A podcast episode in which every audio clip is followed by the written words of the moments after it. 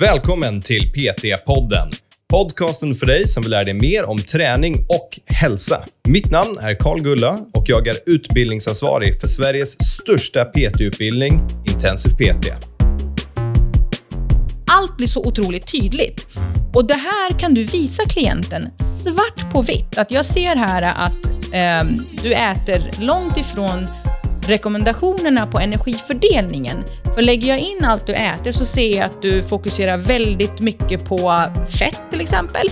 Eh, du äter en, en mindre mängd kolhydrater än vad som re rekommenderas och du äter en mindre mängd eh, protein till exempel. Maria pitchade en idé till mig för PT-podden och det var hur kan man tänka om man inte ska skriva kostupplägg till sina kunder men vill hjälpa dem med kost? Och trogna lyssnare av podden, ni vet att det här för mig lät ju som en helt fantastisk grej för ja, kostscheman tycker inte jag är så kul att skriva. Så jag sa självklart, det ska vi göra och det har vi gjort och här är avsnittet. Varsågoda. Maria, vet du vad en av de värsta sakerna jag personligen tycker med att vara PT är? Jag kan gissa. Vad är det för något? Kostscheman. Att skriva kostscheman. Ja. Jag tycker träningsschema är kul att, träna, att, att skriva. Ja. Jag tycker det är kul att träna kunder. Mm. Jag tycker det är kul att liksom svara på generella kostfrågor. Men att skriva kostscheman, Mm. det är det tråkigaste som finns. Och då är din fråga, måste man jobba med kostscheman? Jag tycker inte det, men eh, vad tycker du? Nej, man måste inte alltid jobba med kostscheman. Det är ju vad många tror man måste göra. Eh, Dels som PT och kostrådgivare, men också som kund, att det är vad du kommer få. Och det är inte alltid alls, jag skulle säga i många av fallen så är inte det nödvändigt överhuvudtaget. Precis, och, och jag tror orsaken till varför jag tycker det är tråkigt att jobba med kostscheman är dels för att det är tråkigt att jobba med kostscheman, att jag tycker det, men framförallt för att jag upplever att det är väldigt mycket jobb och väldigt sällan det faktiskt följs eller är rätt val. Ibland är det rätt val, absolut, med vissa kunder. Men för majoriteten av människor så behövs det inte ett kostschema. Tvärtom, det kanske till och med förhindrar deras utveckling. Precis, hjälper det eller stjälper det? Liksom. Ja. I vissa fall kan det hjälpa, absolut. Det finns ju vissa som faktiskt efterfrågar det. Men då lyssnar du, då gör du, då, gör du, då levererar du, absolut. Eh, andra personer har inte tyvärr möjligheten att följa ett kostschema till punkt och pricka med allting som står i. Eh, och det är ganska svårt att lära eh, klienterna ja, men, ungefärligt. Det tar lite tid. Det, det gäller ju att klienten ska vara öppen för att lära sig. Så det finns lite andra saker som vi faktiskt kan ta till innan vi kommer till ett helt kostschema. Ja, och jag blev väldigt glad när du pitchade in det här avsnittet. Liksom, vad vad finns det för alternativ för att göra kostscheman? För jag tror att det här är också mer modernt. Det, det, jag tror att förr i tiden då var det verkligen kostscheman, men nu finns det, jag har sett många företag som jobbar mer så här med utbildning, som är så här små mikroförändringar, precision nutrition igen, som jag kan tänka på. Och jag tror att det kan vara rätt bra. Så Maria, berätta för oss, om man inte vill skriva kostschema, eller om vi börjar så här, vilka kunder bör få kostschema? Och när kan det vara aktuellt att inte göra ett kostschema, utan göra någonting av det vi kommer prata om snart? Alltså de personer som kanske gynnas av ett kostschema, det är väl personer som kanske ska tävla, av, på, stå på scen, inte vet jag, inom fitnessbranschen på olika sätt, där man följer punkt och pricka, man ska väga, mäta och hålla på. Absolut, great. Eh, men gemene man som bara vill må bra, behöver inget kostschema. Man behöver däremot veta på ett ungefär hur man ska äta. Och det är här rollen då, din roll som PT och kostrådgivare, du ska ju ha koll på de här sakerna. Vi lär oss det teoretiska, men du behöver också förstå det praktiska med maten. Vi pratar ju om eh, ja, men hur många gram, vi pratar ju om eh, portionsstorlekar. Om inte du vet på ett ungefär hur det ser ut, då är det ju svårt för dig också att förmedla det vidare. Ja, Så du som PT och kostrådgivare behöver ha lite koll på de här bitarna mm. och det håller jag med. Så du som PT kanske ska också följa kostprogram ett tag för att testa och veta? Precis, du behöver då ha koll på vad är då en portion ris eller hur ser eh, 150 gram kokt pasta ut? Hur ser eh, 150 gram kycklingfilé ut på tallriken? För då blir det lättare för dig sen att bara förklara det. Alternativt bilder. Bilder är ett fantastiskt verktyg. Om någon frågar dig så här, men hur ser, hur, vad är en balanserad tallrik? Men vet du vad, jag kan visa dig tre bilder för en mer aktiv person och en mindre aktiv person, hur det ser ut. Vad är det vi byter ut? Eh, eh, byter ut eller vad är det vi jobbar på med eh, de olika makroämnena? Hur justerar vi portionerna? Det är lite det som, som du i så fall visar du att det här är ungefär, om du lägger upp dina tallrikar på det här sättet, då behöver du inte väga och mäta saker någonsin. Mm. Och det är ju skönt för många och det är ju många det inte funkar för. Men Nej. om man har familj till exempel, om man inte vill Ja. äta någonting annorlunda än vad de Ja. andra äter. Eller, det, för det är ju en av de vanligaste att höra. Liksom. Jag, jag vill inte äta annorlunda än resten av min familj. Det behöver du inte göra. Det är exakt samma mat du ska äta. Det är bara mängderna som ser annorlunda ut. Det är det som är så himla magiskt. Du kan äta exakt samma mat som alla i familjen. Det är bara mängderna som ser lite annorlunda ut för en person som har högre energibehov och en som har lägre energibehov. Not so, alltså det är inte så mycket mer komplicerat egentligen än så. Så låt oss säga att du får en kund då, Ja. Mm. som antingen säger att de inte vill ha ett kostschema, eller som är så här, "Bö, jag vet inte vad som finns. Precis. Vad är det första steget du behöver göra? Ja, precis. Låt oss så här, äh, spola tillbaka. Ehm, första steget är att samla in information om vad personen äter. För du behöver ju hitta vart, vart, är, vart ligger problematiken? Vad är det för fallgropar? Vad är det för saker som du skulle i så fall... Alltså, du måste hitta det som faktiskt är problemet för klienten. Okej, då tar du emot ett eh, en kostdagbok på två, tre dagar. Du för in det här i ett kostdataprogram. För när du lägger in saker i ett kostdataprogram, typ dietistnet eller nutrition data, du, det blir så otroligt tydligt. Allt ifrån eh, alltså, mängden mat man äter, eh, fördelningen mellan våra makro och mikroämnen, eh, energimängderna, allt blir så otroligt tydligt. Och det här kan du visa klienten svart på vitt. Att jag ser här att eh, du äter långt ifrån rekommendationerna på energifördelningen. För lägger jag in allt du äter så ser jag att du fokuserar väldigt mycket på fett till exempel. Eh, du äter en, en mindre mängd kolhydrater än vad som re- rekommenderas och du äter en mindre mängd eh, protein till exempel. För fokuset ligger på eh, fettet här.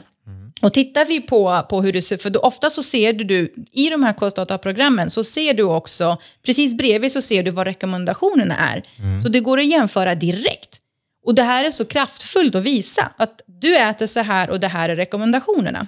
Men det där är pedagogiskt ändå tycker jag. Och, och inte bara få dem att skriva en kostdagbok Ja. och sen så läser man igenom den och kommer med lite tips Mm. samtidigt. Utan att faktiskt ta tiden och lägga in det i ett program för att få bättre data helt enkelt. Precis. Och härifrån ska du inte ge ett helt nytt kostschema med massa ny mat, utan låt oss titta på vad det är du äter som gör att du har den här obalansen.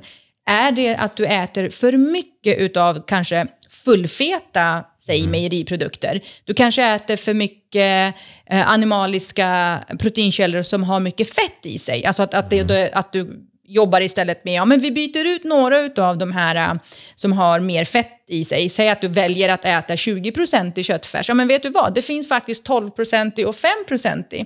Du kanske äter eh, fet fisk fem gånger i veckan. Låt oss byta ut två av dem till till exempel då mager fisk. Eh, låt oss lägga till istället kanske mager proteinkälla som, som kyckling, bönor, tofu och så vidare. Det kan vara så att du äter alldeles för mycket nötter och frön för att det är ju nyttigt. Och då, måste, då ökar man bara på massa nyttiga produkter utan att tänka på att vänta. Det finns en skillnad i nyttigt och energirikt och nyttigt och energifattigt. Ehm, så vi behöver ju titta på de sakerna också. Vilket är, de här enkla bytena gör att plötsligt så ser då energifördelningen annorlunda ut. Så vi drar ner på kanske de sakerna som, som eh, bidrar till den här obalansen på tallriken. Och så lägger vi till då eventuellt då, om det nu är alldeles för lite kolhydrater, vi vågar att lägga till kolhydratkällor. Eh, för det blir också väldigt tydligt men titta här, du ligger långt under rekommendationerna när det kommer till fibrer till exempel. Och låt oss lägga till fibrer. Det behöver inte vara i form av typ kli, utan det finns en lång lista på fiberrika livsmedel vi kan lägga in. eh, som, är, som, som du tycker om. Låt oss möta dina behov. Så ibland handlar det faktiskt om att bara swap Mm. produkter. Och göra mindre, enklare val helt enkelt. Precis. Då blir också klienten mer bekväm för att man behåller mycket av det man redan äter, utan man byter bara några livsmedel. Vilket bidrar till att du som då PT och kostrådgivare, du behöver inte heller jobba med gigantiska kostscheman, utan vi tittar på den befintliga kosten. Det här är vad många missar. Låt oss kika på den och byta ut det som vi kan byta ut. Det blir mer motiverande, det blir mer hållbart. Eh, och sen nästa sak, så här, det här som du sa, men äta annorlunda. Nej, du behöver inte äta annorlunda ifrån resten av familjen. Det är bara mängderna som kommer se lite annorlunda ut. För då är nästa sak här det här med att visa så här pedagogiskt, hur ser det ut då på tallriken? Eh, om man inte har egna foton, det finns faktiskt foton på hur det här ser ut på Livsmedelsverkets hemsida. Många fattar inte detta, men det finns faktiskt verktyg som vi kan använda helt gratis. Det finns betalverktyg. Det finns ett program som jag tycker är jätte, jättebra, som många dietister använder för att då, alltså som pedagogiskt verktyg för att visa vad, alltså kalorier i bilder, liksom portioner i bilder, proportioner och så vidare. Det heter Ät, ät bra. Jag tror verktyget heter Ät bra. Ehm, .se kanske det är också. Men jag tror den heter Ät bra. Hur bra som helst. Hur som helst, det finns lite redan gratis att använda från Livsmedelsverkets, eh, på, på Livsmedelsverkets hemsida där du ser tallrikmodell, tallriksmodellen. Men många är ju så här, men det är bara en teckning typ. Ja men ja, okej, men vet du vad? Det finns också faktiska bilder på mat. Och då ser du mat, du ser en kycklingrätt, du ser en laxrätt, du ser en vegetarisk rätt. Och sen ser du skillnaden på en rätt så inaktiv person och en aktiv person. Samma mat. Men mängden till exempel, det som ändras mest i de här sakerna, i, alltså i, i skillnaderna på en aktiv och inaktiv, det är mängden kolhydrater. Ja. Många tror att man ska ta bort det. Nej, nej, nej, nej, absolut inte. Det är fortfarande en bra mycket större mängd kolhydrater på tallriken än vad du tror. Trots att du, du kanske ska ligga på en viktminskningskost. Det är bara det att det inte det är lika mycket som en aktiv person som har ett mycket högre energibehov. Har man högre energibehov, då behöver man ju äta mer mat som innehåller energi. Ett av de källorna är då kolhydrater, kroppens favoritbränsle. Så det, det är det vi jobbar med egentligen. Så istället för att ge dem ett kostprogram så blir det att vi går igenom vad äter de, vad har de ätit, hur ser allting ut, stoppar in det, får ut data. Få ut Då- data. Mm. Ja, då har jag några frågor på det. Den första, det blir då, vad brukar vara det första, för man vet ju klientens målsättning i samband med det här, vad de vill göra. Precis. Eh, Vad brukar vara det första som man ändrar? Det är kolhydraterna. Många äter alldeles för lite kolhydrater. Och för Okej. mycket fett till exempel. Det, det var därför jag tog det exemplet. Det är så standarden nu för tiden. För att det finns så många där ute som är rädda, fortfarande rädda för kolhydrater. Så de proportionerna är lite knepiga.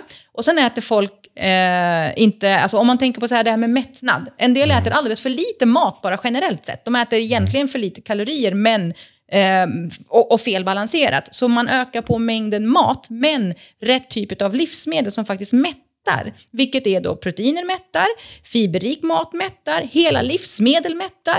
Så att man lägger till mer kvalitet eh, på tallriken, Ehm, eller i kosten. Okej, så det brukar liksom då, då är nästa grej, hur många saker kan man ändra på, på en gång? För jag antar att man inte ändrar allt här, utan då, då har du, om det är det specifika saker, då har vi liksom huvudmålet här, det är att vi ska äta mer kolhydrater och mindre fett. Och sen antar jag att man går in i praktiska lösningar. Liksom, det kan du göra på det här sättet och det här sättet. Precis. Och hur många grejer tycker du man ska ge till en kund då på en gång, så de faktiskt kan förhålla sig till? Eh, ibland räcker det med bara så här, två, tre tips.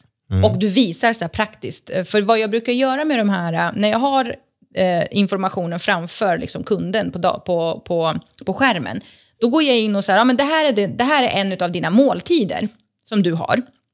Jag går in i måltiden som jag har lagt in. Och vet du vad? Vi minskar, jag tar samma ingrediens, jag minskar mängden på ena ingrediensen och ökar mängden på en annan ingrediens. Alternativt att jag kanske så lägger till ett ägg. Och så, se, så, så får de se svart på vitt att den måltiden de äter, de behöver inte ändra jättemycket. Det handlar om två, tre små saker. Och det är lite så jag brukar säga att de ska tänka i resterande måltider. Ja, det känns ju smart. Men det, det låter i alla fall som att det inte är jättemånga förändringar. Det är inte många förändringar. Och klienten, eh, om, de, om de är öppen för att testa, de, de här programmen kan de ju också få alltså, access till. Att, alltså, de kan ju fortsätta skriva in, eh, för eh, Nutrition Data och Dietistnet har ju så här klientinloggningar man kan använda. Det, mm. Om man inte har det, man har ju Lifesum. Om, mm. om, om, din, alltså om klientens då, coach har sagt försök jobba på den här procentuella fördelningen, öka på mängden protein lite grann, lite mer fiberrika livsmedel, great. Då vet du att det är det du ska jobba på, på i, i, det programmet du har, på din mobil till exempel. Ja. Så det behöver inte vara så superavancerat att man ska köpa hem massa dyra program. Nej. Och, och då är min sista fråga i det, det är hur gör man med uppföljning sen? För det upplever jag i PT-yrket, det är ju det som försvinner med kosten. Uh, själva uppföljningen. För, ja, hur, hur har det förändrats för dig över tid? Hur ska man tänka där? Uh, precis som en vanlig uppföljning. Att du, du kör uppföljningen, du går igenom kosten en gång till. Gärna om de har möjlighet att de registrerar kanske uh, några av måltiderna de äter, så att man ser ifall de, det har skett en förändring. Och mm. mäta mot målet. Eh, hur känns det nu? Eh, jobbar vi, det beror på vad det är för mål, du måste ju ha något sätt att mäta. Mm. Och det är det, vi tittar på resultaten. Så genom de här tipsen och sen ge det en månad eller två, kanske be dem skriva en kostdagbok igen mot slutet ja. och sen sitta ner och utvärdera och se vad som har hänt. Precis. Och då ser man ju så, okej okay, nu har du börjat äta på det här sättet och jag ser en markant skillnad eh, från dag ett. Och så visar de, så här såg det ut dag ett, så här ser det ut nu.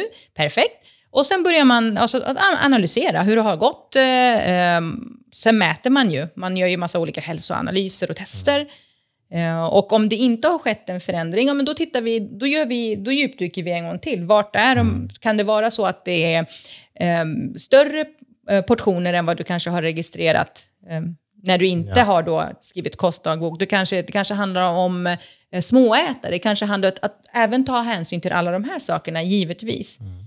Eh, men det gör man, jag tror det gör man ännu tidigare.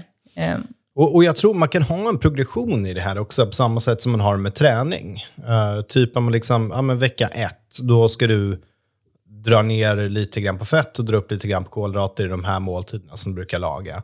Vecka två, då kanske vi lägger till, ja men nu har du gjort det där och gjort det en vecka, då ska du äta ett ägg också. Precis. Vecka tre, då har vi, när du äter det här ägget, då ska du också äta, jag vet inte, kvarg, vad, vad det nu ska vara. Liksom, och, bara, och bara fortsätta de här stegen. Så man kan ju göra det där ganska systematiskt. Det kan man göra. Om klienten tycker det, det är bra, en bra ja. metod eh, att ha. Men då måste man också ha lite tätare uppföljningar. Inte efter kanske mm. två månader, utan att man faktiskt har... Man kan ju ha... Alltså uppföljningar behöver inte vara en timme.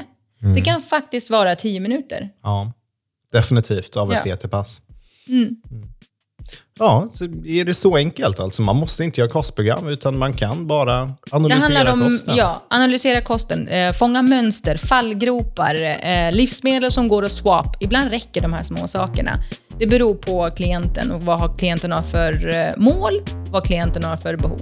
Ja, och jag skulle säga i majoriteten av fallen kan det här räcka. Ganska det kan bra. räcka. Du måste som PT och kostrådgivare kunna fånga upp det här. Och förmodligen leva, leda till mer långsiktiga förändringar. Yes. Bra Maria, tack för att du ville vara med. Tack för att jag fick vara med.